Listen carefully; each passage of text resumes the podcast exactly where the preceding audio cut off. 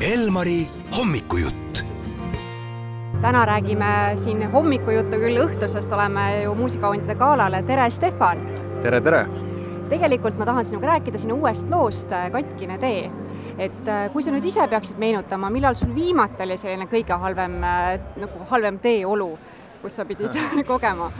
Äh, viimane kord mul praegu tuli meelde, ma täpselt ei mäleta, ei mäleta, kuhu poole ma sõitsin, aga ma mäletan väga täpselt, et äh, ma sõitsin äh, sellisel teel, kus järsku tee peale tuli nii suur auk, et ma mõtlesin, et kõik, nüüd ma lend-, et nagu auto lendab nagu täiesti, aga kuidagi ma jäin pidama. ja siis peale seda olidki selline terve, terve tee oligi selline täiesti katki lihtsalt ja auklik, nii et. kus see oli? No vot, ma räägin, mul praegu ei tule meelde, aga see ei vist... no see oli ikka välismaal või Eestis? ei, Eestis, Eestis ah,, sinna Jõhvi poole, eks noh, kui me nüüd mõtleme Armeenia peale, siis noh, terve Armeenia Armeenias on neid katkiseid teid väga palju. aga millest tegelikult laul räägib äh,? lugu tegelikult räägib sellisest suhtest, et äh, mis on täi-, selline lahtine, aga nagu, et äh, kas nüüd suhe nagu läheb katki või siis sellel on veel võimalus, nii et ta on selline lahtine teekond, et ei tea veel, kuidas lõpeb. just nii, jah. kuidas laps kasvab? Äh, aitäh küsimast, laps kasvab väga hästi. Äh, ta on väga kuulelik ja väga tubli laps, sest et äh, me, kui me midagi nagu õpetame talle, siis ta tuleb sellega kiiresti kaasa. näiteks me õpetasime teda enda tuppa, enda toas magama ja meil läks nädal aega sellega, nüüd ta magab enda toas.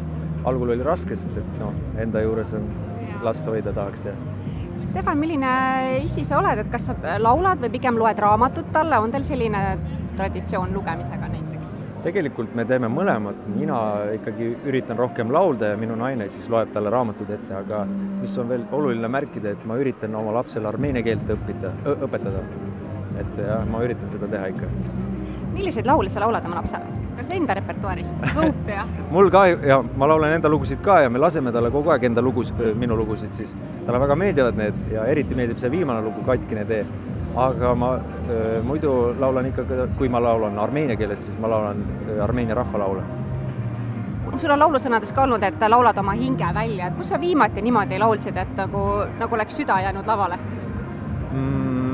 No täna tegelikult nii ongi olnud, et me laulame siin äh, kõik, mis meil laulda on, et äh, mina ja Birgit siis teeme sellise avapaugu siin, äh, avaäkti, et me tuleme ja laulame siin, paneme peo käima ja siin me ikkagi paneme täiega. aga järgmine pidu millal?